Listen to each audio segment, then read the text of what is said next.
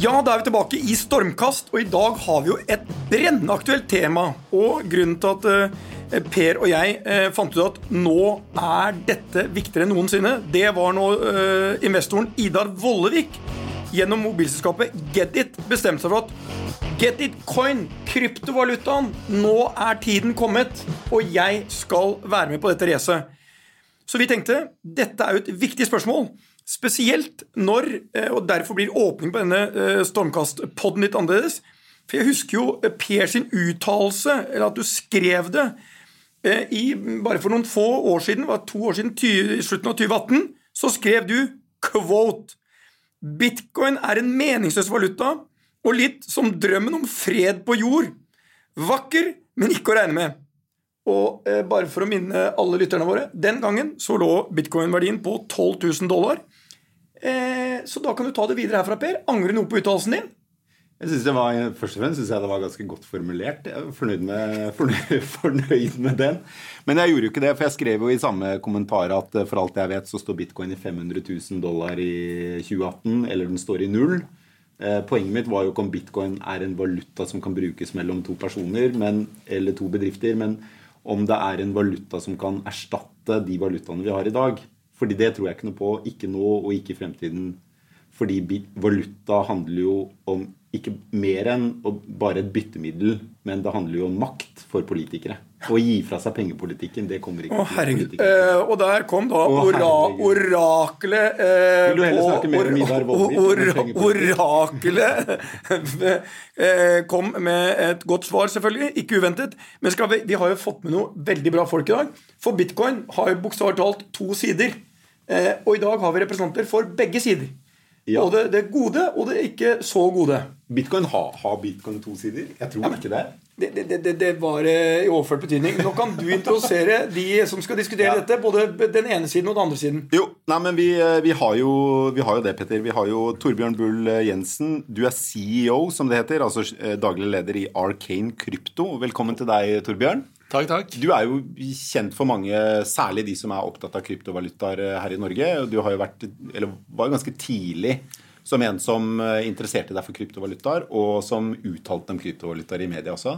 Jeg trodde jeg kom inn sent da jeg oppdaget det i 2013. Fordi det var utrolig mye som skjedde på utrolig mange fronter. Det var mange forskjellige prosjekter, og det var mennesker verden over som jobbet med det så har jeg jo skjønt i ettertid at uh, eh, 2013 var et tidlig tidspunkt. Ja, virkelig. Fordi uh, det har jo bare blitt større og større. Og i dag har jo i dag, Dette er jo ja, Hvilken dag er det i uken, Petter? Det er onsdag. Uh, så ble um, den største kryptovalutabørsen børsnotert i USA. Ja, derfor er en av de største, Coinbase, skal trades under tikkeren coin.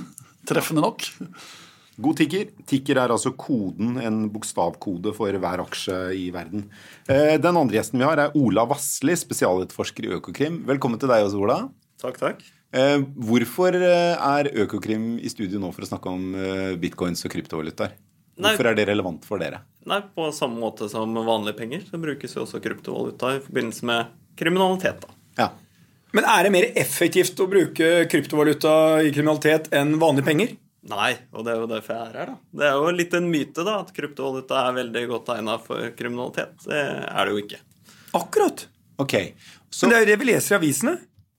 Ja, det er jo Stort sett så er det ganske enkelt, det jeg holder på med. Det er eh, folk som har kjøpt eller solgt eh, eh narkotika, eh, materiale som viser seksuelle overgrep mot barn osv., og, så videre, og som Eh, virker å ha en veldig tro på at det her aldri er noe som man finner ut av. Ja. Det er det.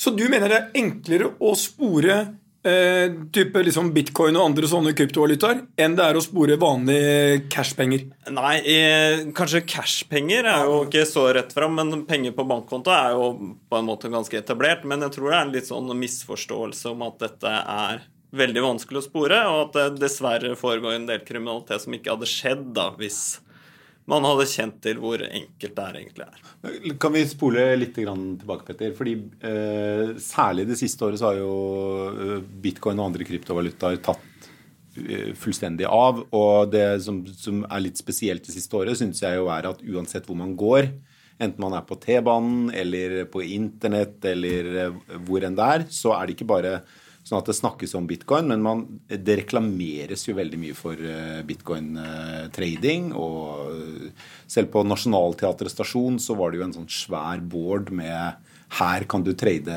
bitcoin mest effektivt'.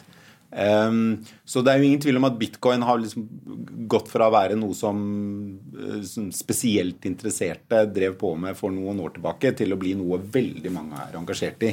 Og Hva er det som har skjedd det siste året, Torbjørn? Er det noen spesiell grunn til det? Det er eh, flere grunner til det. Um, og det er en kombinasjon av faktorer som uh, samfalt i tid. Uh, I mai i fjor så halverte bitcoin produksjonsraten seg.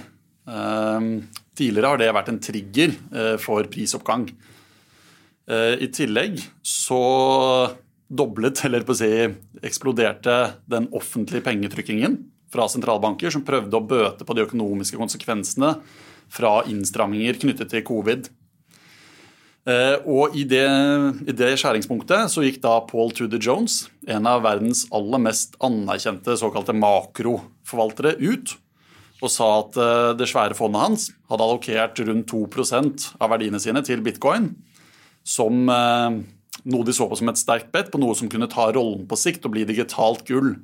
En sikring mot tap av pengeverdi i en tid der pengene trykkes raskere enn noensinne, eh, og bitcoin i motsetning til det har en gitt pengemengde. Det underliggende her var at man i 2017 så ble bitcoin mainstream for mannen på gata. Men det fantes ikke infrastruktur som gjorde at eh, institusjonelle aktører kunne trade dette her. Men i kjølvannet av 2017-boblen så ble det bygd ut. Noen av de største eh, handelsplattformene for eh, derivater, Chicago Mercantile Exchange, lanserte futures for dette. her.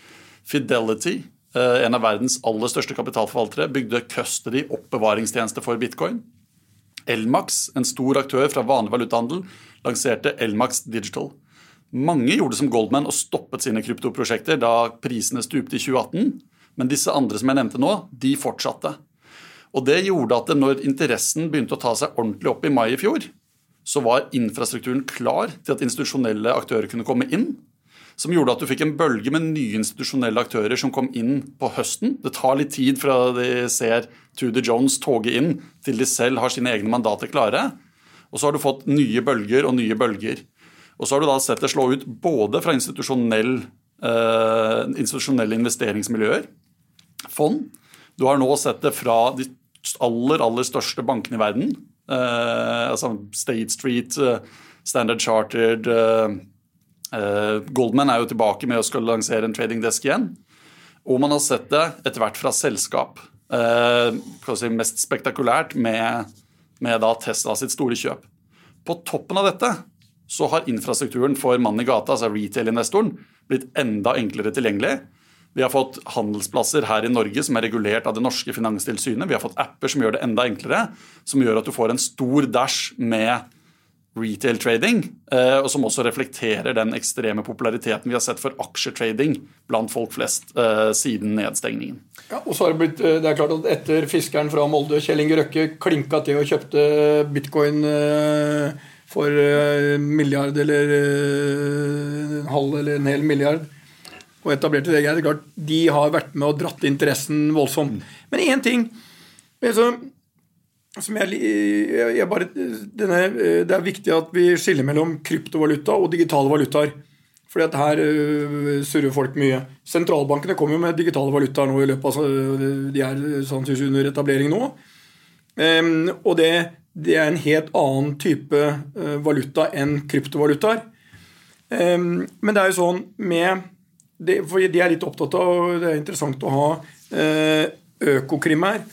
Fordi og nå eh, kan du sikkert, Ola, korrigere meg, for det, det, jeg sier nå er mest sannsynligvis ikke helt korrekt. Men jeg mener at det ligger i den vanlige valutaen klare retningslinjer for at hvis jeg bruker et kredittkort i utlandet og bruker mer enn 5000 kroner, så meldes det inn til norske myndigheter, og så kan de velge om de vil se på det eller ikke. Fins det noen som helst sånn regulering når det gjelder kryptovalutaer? Eh, ja, det gjør det. Eh, og norske vekslingstjenester ble underlagt det samme regelverket, altså hvitvaskingsloven, i 2018. Og de fleste andre utenlandske tjenester er også underlagt det samme regelverket. Så det sammensvarer egentlig litt med det Torbjørn snakker om. da. Så du, du sier altså at um, det, det, hvis jeg bruker et Mastercard-kort i um, London og kjøper meg en klokke, så må jeg deklarere det når jeg kommer til Gardermoen. Om jeg da tror jeg var smart og betaler i bitcoin, så skjer akkurat det samme. Ja, det skal jeg ikke kommentere noen detaljer på det, men det er i utgangspunktet samme regelverket. Og så vet vi også fra banksektoren at det er eh, ulik grad av etterfølgelse. Og nettopp dette. Og nå er mitt spørsmål. Kan Du øh, var jo i kjent Økokrim-style, så kom du litt sent til podkasten. Og det er Økokrim, de kommer jo etter tingene har øh, startet. Men dere har en unik mulighet til å gå tilbake i tid. Eh, så de som trodde de var smarte, da La oss si for når, dette var eh, som eh, Torbjørn var innom, når dette var i sin spede begynnelse, og folk hadde litt bitcoin-penger i utlandet Før så hadde du en koffert på Canman Island eller et eller annet sted, og du måtte ta en ferietur for å hente penga hjem. Nå kan du gjøre det på en mer effektiv måte. Ser dere på øh, nå å gå tilbake i tid og se på transaksjoner som har funnet sted med kryptovalutaer før disse reglene ble etablert? Eh, ja, det gjør vi jo. For det straffeloven, som stort sett er det jeg forholder meg til, da, den har jo vært lik. Det har vært uh, forbudt å selge narkotika, det har vært forbudt å kjøpe uh, materiale som viser seksuelle overgrep av barn, veldig lenge. Uh, for å ta ett eksempel, da, så er det en sak vi oppretta i fjor. Jeg kan ikke si så mye om bakgrunnen for uh, at den saken ble oppretta, men det var da en person som hadde kjøpt tilgang til seksuelle overgrep mot barn ganske mange år tilbake i tid, og som ble satt under etterforsking og nå soner en lengre dom. da. Så vi har jo på en måte luksusen at Poenget med saken er at han betalte i kryptovaluta, var det det? Ja, eh, det hadde for så vidt ikke spilt noen stor rolle, men vi har jo på en måte Det er jo en litt sånn katt og mus-lek mellom eh, politi og kriminelle. Men okay, vi har jo den luksusen at vi kan jo faktisk vente noen år. For det er uh, ofte typisk fem til ti år da, før disse sakene er forelda. Men uh, det, det, du spør om, Petter, det er vel Er det er det like god kontroll på eh, transaksjoner der kryptovaluta er brukt som betalingsmiddel, som det er der gode, gammeldagse ja, sporbarhet, altså Sporbarheten på valuta er ganske effektiv, men ja, jeg eh, skal ikke ta noen detaljer på det, men det er jo eh, Hvorfor ikke? Nei, Det er veldig mange aktører i kryptovalutabransjen som liker å fremstå veldig annerledes enn den tradisjonelle finansbransjen. Og kanskje framstår som det er litt i opposisjon til både myndigheter og eh, den tradisjonelle delen av bransjen. Men for oss som forholder oss til disse aktørene på daglig basis, så eh, møtes vi stort sett med den samme velviljen hvis vi kommer og har en sak og trenger informasjon og trenger hjelp. Så Det er også en del av denne myten om at kryptovaluta er egnet for kriminalitet, bygger på litt cowboy-imaget. Ola, det, og det, er nettopp det jeg er inne i. fordi Det, det er en godt kjent sak at eh, den mest populære valutaen blant kriminelle i litt større målestokk er den 500 euro-seddelen. Og Derfor har europeiske myndigheter hatt en diskusjon om man skal ta den bort. Fordi er, det er veldig mye penger, 5000 kroner, i én liten seddel. Så du kan flytte enormt mye penger. Eh, og jeg trodde at 500 eh, eh, kunne sammenlignes med kryptovalutaer i hvor at sporbarheten var omtrent lik. For den, vi er jo enige med at sporbarheten på cash er veldig, mye, er veldig vanskelig i forhold til alt annet digitale transaksjoner. Her er jo sporbar, sporbarheten kjempegod. Se for deg at du har en tikroning. Og det, du kan gå inn på internett og se hvor den tikroningen har vært. Eh, ja, tilbake til 2009, f.eks., hvis du tar noen av de eldste bitcoinene. Så det er jo en sporbarhet som eh, er eh, mye, mye bedre enn det man ser på cash. Og det er jo selvfølgelig en fordel for oss. Og det, alle disse transaksjonene lagres jo da blokkjedeteknologi som eh, den som eventuelt angrer på det man har gjort, ikke har mulighet til å manipulere eller slette.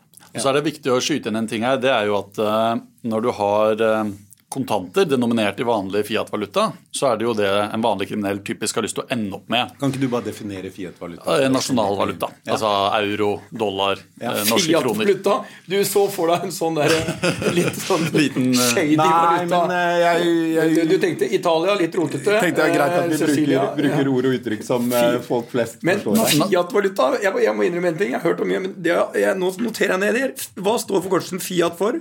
Det står vel med autoritet eller med eh, lov. Altså Det er et begrep som brukes som da myndighetsutstedte Ja. eh, valutaer. Okay. Eh, I motsetning til råvarevalutaer som gull historisk ville vært, eller okay. bitcoin som en digital råvare. Men Men, er, men poenget mitt det er at eh, hvis du er kriminell, så har du ikke lyst til å sitte og holde hele beholdningen din i bitcoin nettopp fordi verdien svinger så mye. Du er ikke investor primært som kriminell. Det finnes jo kriminelle investorer, men det er ikke jobben din hvis det er narkotikadealing du holder på med. Eh, Du kan ikke komme til han du skylder penger og si at denne bitcoin ble halvert eh, fra forrige uke, så jeg har bare halvparten av pengene dine. Da har du bare halvparten av kroppen din igjen etterpå. Nettopp derfor så har du kontinuerlig, de som bruker kryptovaluta i forbindelse med kriminalitet, har kontinuerlig behov for å veksle inn og ut med vanlig valuta. Og spesielt i de punktene de må veksle inn og ut, så legger de igjen masse informasjon som gjør det sporbart. Og når du da kobler det med den eh, evige sporbarheten i selve blokkjeden som du da har, eh, så blir dette mye mindre egnet for kriminelle enn det kontanter Kan man Vi er- hedge seg? Bare sånn, kan man hedge, kan, er, det instru, er det instrumenter der sånn at du kan hedge eh, Sikre type det, bitcoin? Ja, det, ja, og det. det, det er gode, effektive måter å hedge. Men igjen, det gjør du jo på en handelsplattform. Dette betyr at okay. De som skal gjøre dette lovlig og industrielt, som ikke har noe problem med å legge igjen sin eh, informasjon som selskap eller individ, de kan hedge, bli kvitt problemene i volatiliteten og få gevinstene du har fra et digitalt, grenseløst 24-7-365 Ok, jeg tror vi, vi må bare fordi, ok, vi, vi vraker eh, hypotesen eller påstanden om at eh, bitcoin og kryptovaluta er særlig egnet for kriminelle. Da legger vi den bort. Og, eh, og så mm, tar vi en annen en som er interessant, syns jeg. Det er jo den troen som Jeg vet ikke i hvilken grad den fremdeles gjelder hos mange som er opptatt av kryptovaluta, men den troen på at kryptovalutaer kan erstatte dagens penger, det du kaller Fiat-penger, altså nasjonale myndigheters utstedte valutaer. Er det en, fremdeles en oppfatning hos eh, mange? Eh, Det er absolutt mange som eh, eh, tror det. Uh, og så er det jo det et spørsmål som ofte eh, fremstilles som om det er enten-eller.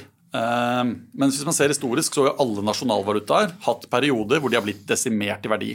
De har fortsatt å hete det samme, men kjøpekraften har periodevis blitt pulverisert. Så det er jo ganske mange, og særlig av disse institusjonelle investorene som kommer inn nå, som ser for seg at det De tør i hvert fall ikke å utelukke at kjøpekraften til flere av de store valutaene kan bli pulverisert. Eh, Men at de fortsatt kanskje heter det samme, at det vil være dollar her, men at kjøpekraften i en dollar kan bli vesentlig lavere. Og dersom det skulle skje, så ønsker man jo da å sitte i eh, verdiobjekter som holder kjøpekraften sin. Det kan være gull, det kan være bitcoin, det kan være eiendom. det kan være andre Ja, for du sammenlignet jo bitcoin og gull. Ja. Um, og noe av grunnen til at bitcoin ofte sammenlignes med gull, er det fordi det er en begrenset mengde av det? Det er, Sånn at det er, det er kan absolutt sikres mot hovedsaken. Eh, Og, faktisk så er det enda større knapphet, eller en absolutt knapphet, i bitcoin. Mm. Det kan aldri eksistere mer enn 21 millioner bitcoin. Det er vesentlig færre bitcoin enn det finnes dollarmillionærer i verden. Så det er umulig for alle verdens dollarmillionærer å eie en hel bitcoin. Eh, Mens gull eh, utvinnes det stadig mer av. Men der er stykket eh, utvinning. Det høres jo helt fullstendig ko-ko ut. Men jeg leste at eh, hvis du ser på liksom hvor, energiforbruket eh, som går med i dag til eh, bitcoin-virksomheter eh, fordi de bruker enormt mye energi, så tilsvarer det hele New Zealands energiforbruk. Det kan sikkert stemme, eh, men her er det også veldig viktige nyanser. For det første så er det greit å også sjekke hvor mye energiforbruket knyttet til hosting av porno gjør, gjør, så man får litt sånn proporsjoner, fordi man kan lett aggregere opp energiforbruk og holde det mot en målestokk som virker veldig stor. Eh, Det andre er at energiforbruk er ikke en homogen vare. Det kommer an på hvor du forbruker det. Det er deler av verden hvor eh, energien har veldig høy alternativ anvendelse, altså hvor det du kunne gjort i stedet er veldig verdifullt. Og det er steder i verden hvor energiforbruket er fanget bak flaskehalser. Eh, Og nettopp fordi den utvinningen og sikringen av blokkjeden som gjøres med såkalt bitcoin mining, er helt mobil, så legges de aktivitetene de stedene hvor energien er aller, aller, aller billigst. Dvs. Si der den har minst eh, alternativ anvendelse. Der vann ved kinesiske vannkraftverk bare sluses rett gjennom fordi de ikke er koblet til sentralnettet og de får, brukt, eh, får ikke brukt den kraften de har.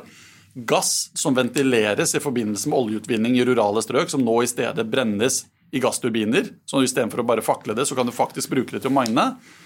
Eller eh, knyttet til da fornybar kraft eh, som er ustabil, og du kan da mot, motvariere de svingningene du har i produksjonskapasiteten.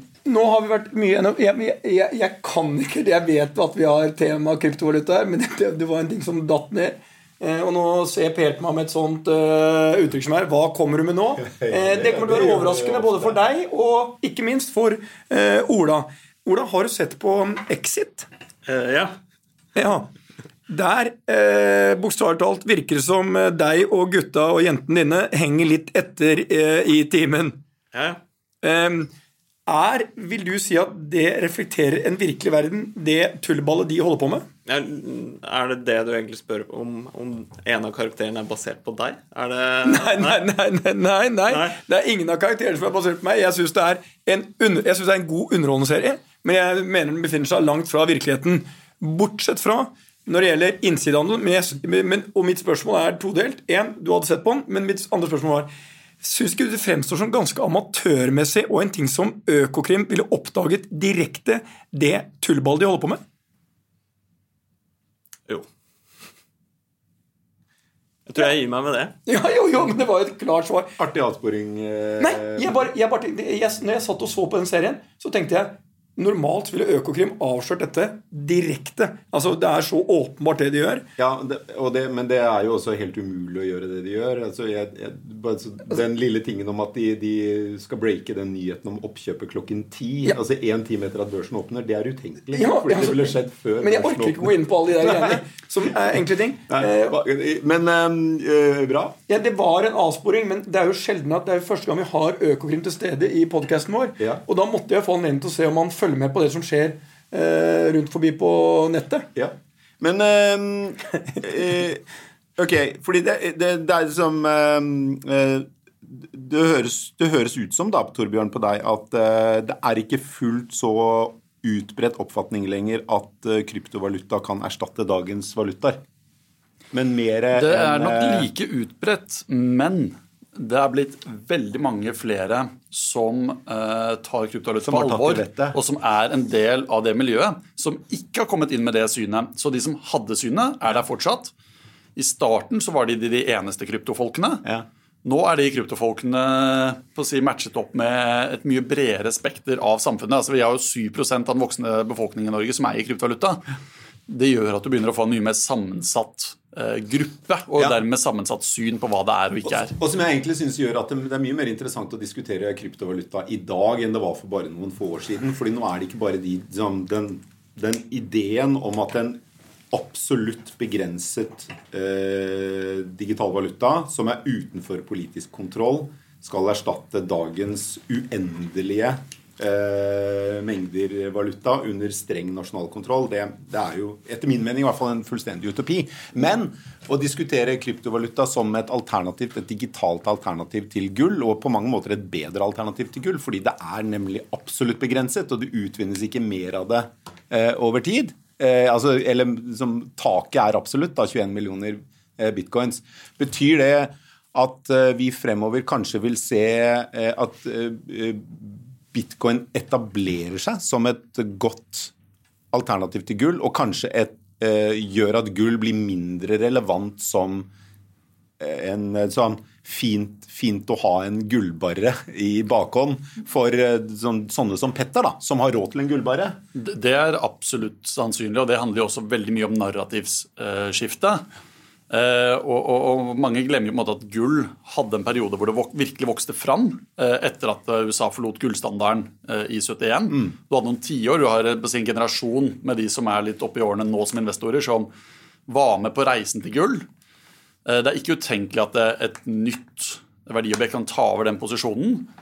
Eh, historisk var aluminium utrolig verdifullt. Eh, fram til man plutselig fikk elektrisitet som gjorde det veldig enkelt å utvinne. Eh, og, og du fikk et tilbudssjokk som gjorde at eh, aluminium gikk fra å være noe av det mest verdifulle, mye mer verdifullt enn gull, til å bli noe av det billigste.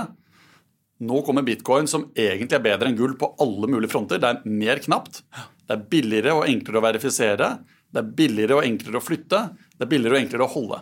Men det spørsmålet jeg da vil stille, det er La oss si at det da tar over hele markedsverdien til gull, og det kommer dit. Er det da sannsynlig at det vil stoppe der? For i motsetning til gull, så har du i tillegg med bitcoin nettopp det at det er heldigitalt. At du har fri, åpen innovasjon, hele den open source-innovasjonen som vi har hatt med internett, som gjør at hvem som helst kan progge med det og gjøre nye, kule ting med det, har du med bitcoin. Det hadde du ikke med gull. Eh, Det at du har et liksom, helt internasjonalt, grenseløst, øyeblikkelig og gratis overføringsnettverk for dette, hadde du ikke med gull. Så da gull ble låst ned, ble gravd opp av bakken og gravd ned i bakken, eh, og så begynte man å handle papirbeviser på det, og, og liksom ligger i Fortnox, så trenger du ikke å grave ned bitcoin fordi den er så utrolig mye enklere å overføre. Så jeg syns det virker veldig rart at det skal stoppe på gull. Eh, Og jeg vil også bare si, når du da sier er, at hva er det neste, tenker du da? Sånn at eh, nå så er hovedfokuset på investeringscaser som følger av knappheten. Det det gjør, er at vekslingen mellom vanlig valuta og bitcoin blir stadig billigere, enklere, mer effektiv. Min hypotese er at det muliggjør bitcoins bruk som betalingsinstrument. Ikke som regnskapsstørrelse, men som noe du kan ta norske kroner, kjøpe bitcoin, sende til den andre siden av verden og selge igjen øyeblikkelig. Infrastrukturen som gjør det billig og effektivt å selge i hvert endepunkt, det er bygd for tradere, men det muliggjør bruken for de som skal gjøre betaling. Og det tror jeg blir neste front. Eh, Vi ser allerede selskap som eh, har tatt i bruk på den måten. Vi ser tjenesteleverandører, eh, bl.a. Yarkane, som jobber med å utvikle teknologien for dette. Per i dag så går det litt under radaren, men det er helt klart den neste fronten for bitcoin, slik jeg ser det. Men det er sånn Siden vi har Økokrim her, så er det sånn penger og, og uansett om det er øh, Som du sa, hvis du tar gull og bitcoin og øh, alle sånne så har det vært gjenstand for kriminalitet. Før så var det enkelt. Du gikk inn i en bank eller en eller annen, hadde med en pistol og få gullet ditt. Ehm, nå, eh, hvis vi får Torbjørns eksempel, så blir det gullet borte. Pistolen blir borte, eh, og den blir bytta ut med en PC. Ehm, eh, også, men du får samme type kriminelle som søker. Har Økokrim i dag ressurser til å følge opp den eh, revolusjonen, eller evolusjonen som eh, går ganske hurtig, som Torbjørn beskriver? Altså, Dere har jo åpenbart gamle dager at man nok av politi og man passa på banker og hadde eh, gitter og sånt noe. Har dere i dag nok ressurser til å møte de digitale utfordringene? Vi ser digital, eller, så, kriminalitet via nettet øker jo enormt. Altså Det er nok av skandaler de siste de, årene. Men vi ser på de på en litt Jeg opplever at de ser kanskje på de kriminelle på en litt annen måte. Egentlig å se på han der fyren som kommer inn med pistol og skal rane banken. Han vet vi. Du er banditt. Er det Hvordan er den situasjonen hos Økrim? Nei, det gjelder jo egentlig hele politiet. For det er veldig mye ulike typer kriminalitet. Og det er jo også fullt mulig å ta med seg en pistol og stjele kryptovalutaen til noen. Eh, For man skal jo være sin egen bank, som det heter. Eh, Så, og politiet har jo en veldig sånn bred eh, bredt sett med oppgaver. da, Alt fra vakthold til det ene og andre. Så det er selvfølgelig litt utfordrende å drive kompetanseutvikling eh, der. Men eh, jeg vil si at norsk eh, politi har vist seg veldig tilpasningsdyktig når det gjelder kryptovaluta. og det får vi også en del anerkjennelse for eh, blant utenlandske kolleger osv. Men er det så enkelt Torbjørn, at hvis jeg sitter og eier Nå gjør jeg ikke det. Jeg, jeg, jeg og Per vi har et selskap. Vi, jeg eier krypto. Jeg eier bitcoin. Så kommer en fyr til meg og sier her har du en pistol mot huet. Eh, overfør alt du har av eh, kryptopenger eh, til meg. Og da Er det en kode som om jeg putter inn en kode Og i min bank så ville det da vært begrensninger sånn Nei, du overfører mer enn x tusen kroner. Da stopper vi en transaksjon. så du, hvis du er naiv og oppbevarer alle bitcoinene dine liksom, på én minnepinne eller på PC-en din eller på mobilen din med ett passord, eh, på samme måte som hvis du hadde masse kontanter hjemme, så ja, så kan de ta alt. Men med bitcoin så kan du faktisk da programmere inn at eh, la oss si tre av fem forskjellige passord må brukes. Du kan til og med tidslåse det, sånn at eh, en stor del av pengene er helt umulig. Altså, Ingen autoritet kan til og med gjøre det mulig å flytte det på å si tre år. Det er mange sånne kombinasjoner okay. som program, følger av programmerbarheten. Eh, og du har selskap som spesialiserer seg på å løfte dette fra kode som avanserte folk kan gjøre, opp til noe som eh, leveres som en eh, premium tjeneste. eh, Som du har sikkerhetseksperter som kan hjelpe deg å sette opp med- sikker og, og oppbevaring. Hvis du kombinerer det med det Ola sier, at vi kan i tillegg da følge den overføringen fra jeg og Per, som da får pistol mot huet, om å overføre pengene våre, så kan Økem gå inn og følge den som om de fulgte en kredittkorttransaksjon. Ja, det er i hvert fall lettere enn å følge en gullbarre eller et eller Ja, annet. eller- eller Men når det er sagt, så er det jo metoder og, eh, som gjør det vanskelig for oss eh, i dag. Og så gjenstår det selvfølgelig å se om det er like vanskelig og vrient for oss om ett eller to eller tre år. Sånn, um, eh, jeg, jeg kan ikke statistikken på det, men, men antall innbrudd har jo falt dramatisk i, i Norge, og jeg vil tro i de aller fleste land de siste mm, 10-20 årene. Eh, det er ikke lenger sånn at vi har eh, hundretusenvis av kroner stappa inn i madrasser. Er, pengene er digitale, og det er færre ting verdt å stjele. Eh, og det høres ut som eh, det, Så det er blitt vanskeligere å være småkriminell eh, de siste årene fordi det ikke er så like lett å hente penger i innbrudd.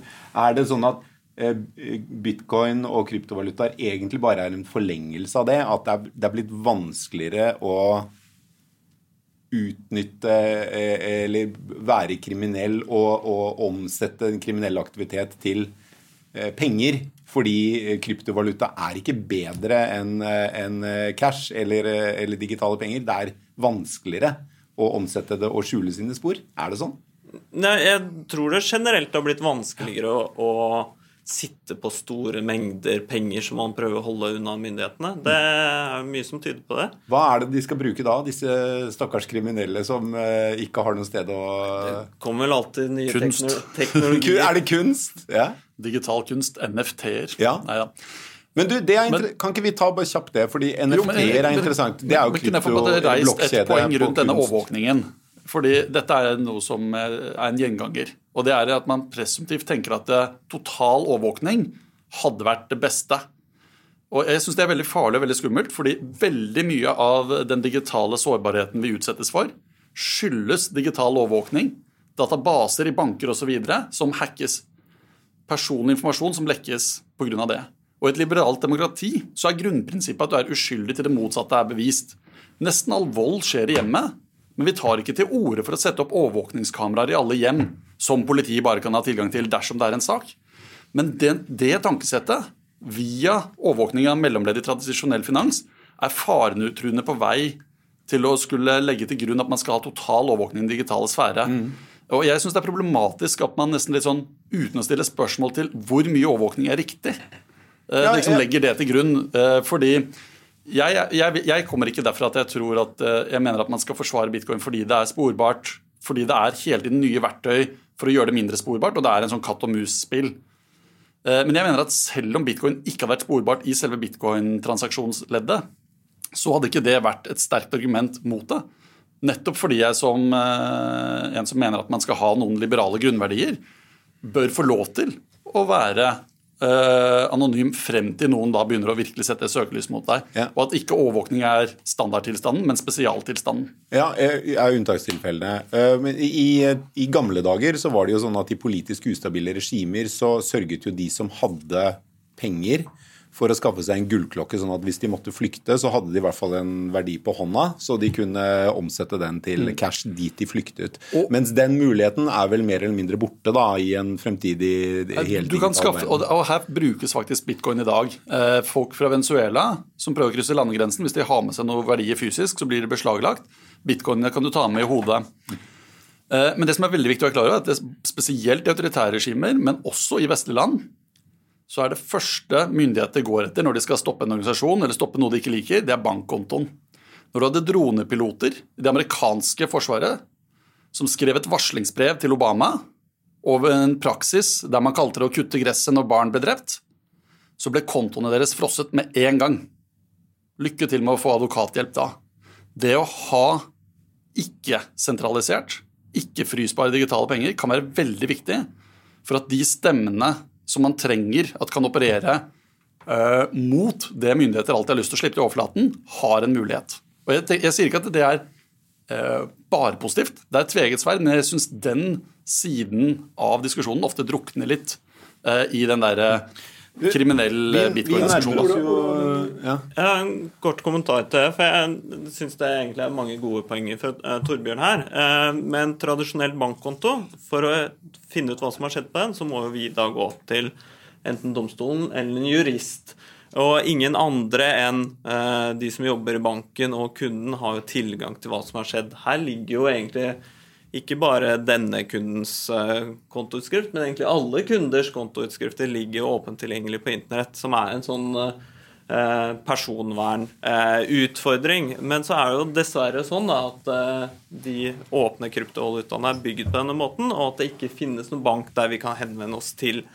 Eh, så, og det tror jeg også mange, eh, både kriminelle og vanlige folk, ikke tenker over. At det er en sporbarhet her som det er veldig vanskelig å vite hvordan kommer til å utvikle seg. Og kanskje de verktøyene eh, vi i politiet sitter og jobber med i dag, blir kommersielt eller åpent tilgjengelig om noen år. Og da har man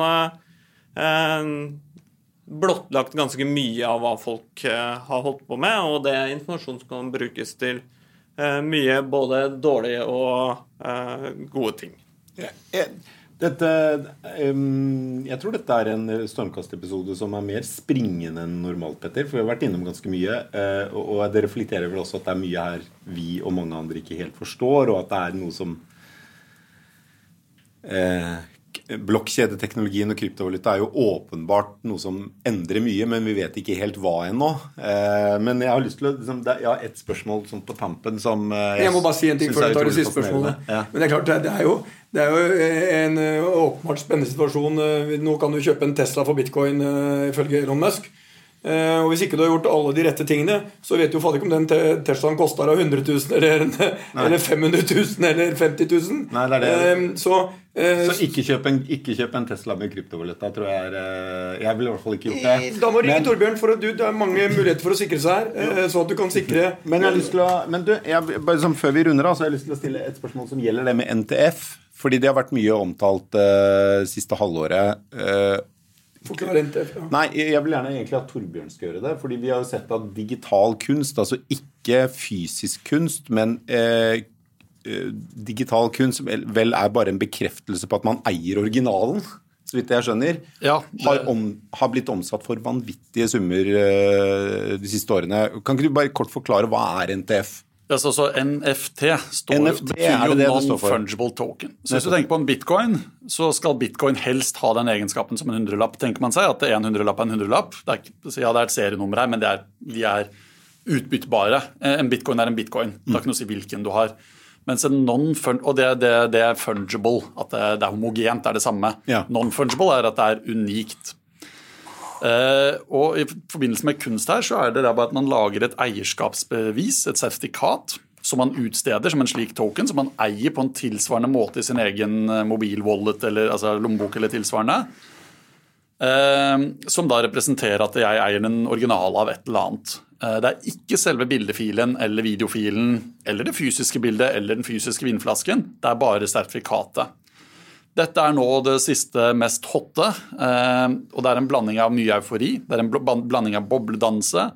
Eh, og på samme måte som vi så med Initial Coin Offering, som var det hotte mm. slutten av 2017-boblen. Mange falske transaksjoner. Eh, Dvs. Si noen selger et bilde veldig, veldig dyrt til noen som er anonym kjøper har du samme pengene på kjøper- og selgersiden, så kan du få dette bildet til å bli veldig mye verdt. Og så kan du lempe det inn i fondet ditt, og så har du egentlig ikke brukt en eneste krone, men fondet ditt har store verdier, og så kan du selge eierskapsandeler til det fondet til retail-investorer. Så det er masse sånt som foregår. Eh, mange kommer til å brenne seg, men dette er eh, en av de mange anvendelsene av åpne blokkjeder, altså bitcoin, Ethereum-nettverk osv., som er kommet for å bli Eh, men som går gjennom en hype-fase hvor det blir euforisk, eh, svindlerne slår til, før det så faller igjen og finner sin mer langsiktige form. Men det det viser, er nettopp bredden av alt av dette som kalles kryptovaluta. Mm. Du har milliarder av dollar utstedt som e-penger, på samme måte som eh, PayPal, men på et åpent nettverk. Du har bitcoin, digitalt gull, kjemperobust eh, pengeenhet. Du har programmerbare plattformer som gjør at utlån, sparing, investering kan gjøres helautomatisk, altså desentralisert finans. Du har token som minner mer om bonuspoeng og hybrid aksjelignende instrumenter som brukes til finansiering. Du har kunstsertifikater, og alt dette kom på den samme åpne infrastrukturen. Og Det som er viktig å skjønne her, istedenfor å se på akkurat hva det er nå, akkurat hvilke svakheter som er her nå, så er det å fatte at dette er en nettverksteknologi. Dette er et nettverksfenomen som har vært på en adopsjonskurve i et drøyt tiår nå, som har gått fra et åttesiders dokument på en e-postliste for nerder til et fenomen som bare nekter å gå over, til tross for at boblene som bygger seg opp underveis, sprekker, Men- men- og som bare blir større. Og det er grunn til å tro at dette vil fortsette å vokse, fordi nettverk har den egenskapen at jo flere det er som er med i nettverket, jo mer moment er det for å bygge nettverket Vi, videre. jeg, jeg hører, med, jeg må ha et siste spørsmål her. Sånn, bare sånn. Um, ryktene sier at eh, bare for å vise hvor uh, i den grad noen syns dette er tullete, så må jeg innrømme at han der som kom med Dogecoin eller Dogcoin nå, han, eh, Ryktene sier at han lagde det for han skulle vise hvor uh, inn i helvete tullete hele dette bitcoin-greiene var. Eller, så han lagde en greie som ble verdt milliarder. Er historien sann, eller er det bare en av de eh, historiene som går rundt som eh, jeg tror på og som jeg ler litt av? Nei, Det er helt sant, og, det viser noe veldig unikt her. og det er at eh, Skal et prosjekt ha en langsiktig overlevelse, skal en sånn såkalt kryptovaluta ha en langsiktig overlevelse, så må det treffe en egen nisje. Alle de som skulle lage bedre bitcoin, har feilet, fordi bitcoin er den beste bitcoin. Dogecoin så prøvde skaperen å vise at hvem som helst kunne lage hva som helst. Eh, Men han gjorde jo det med å referere til så veldig populært sånn internettkulturfenomen med denne Sheba-hunden og bilder av den, og liksom en helt kulturell, internettkulturell greie der. Og virkelig fått en sånn kult kultstatus, eh, og er jo på å si Elon Musks eh, favorittcoin sammen med bitcoin. Elon snakker jo stadig vekk om Dogecoin på Twitter-profilen sin og bruker det og sender kursen veggimellom. Ja, per, kanskje vi skulle lagd en uh, egen stormkastcoin? Ja, kanskje vi skulle gjøre det? Ja. ja. Like stor sjanse for fall Vollevik-coin. Ja. Du, eh, jeg vet ikke om Jeg, vet, jeg, vet, jeg, jeg, tror jeg er blitt litt klokere i løpet av sendingen. Håper lytterne har klart å følge med på, på det òg. Er du blitt, Jeg har, eh, jeg har eh, faktisk eh, Jeg har blitt smartere, men jeg har faktisk forstått mye mer av hele ja. eh, Kall det bitcoin eller kryptovaluta-fenomenet. Eh, og så har jeg eh, fått trygghet for at eh, det er ikke noe særlig forskjell på mulighetene som Økokrim og andre har til å slå ned på kriminelle som bruker dette, enn det det var mm, på andre typer valutaer. Men Så jeg syns det er spennende, og jeg minner om en ting. Jeg forstår fortsatt ikke fullt ut. For jeg, jeg kan forholde meg til en sentralbank eh, og forholde meg til de tingene. Og jeg har litt større problemer. Men skal ikke se bort fra at man kan komme og kjøpe hotellrom i Choice og betale med bitcoin og dogecoin og alt mulig i fremtiden. Når du kan kjøpe en Tesla, kan du faen meg kjøpe et hotellrom, tenkte jeg på. Så jeg satt og, det, det, det jeg satt og tenkte på er Det sånn, i det er hodet ditt i, midt, midt i denne krisen så må du se noen muligheter. Kanskje det er at vi var den første hotellkjeden som sier vi aksepterer fullt ut alle sånne øh, kryptovalutaer. Kanskje ikke alle, men, men, men i hvert fall de, de mest kjente. Kan ta Pettercoin. Eh, definitivt en som hadde blitt veldig liten. Du, eh, Tusen takk skal dere ha for at dere kom i studio. Torbjørn Bull Jensen i Arcane Krypto og Ola Vassli i Økokrim. Vi eh, høres igjen eh, neste uke, Petter. Det gjør vi.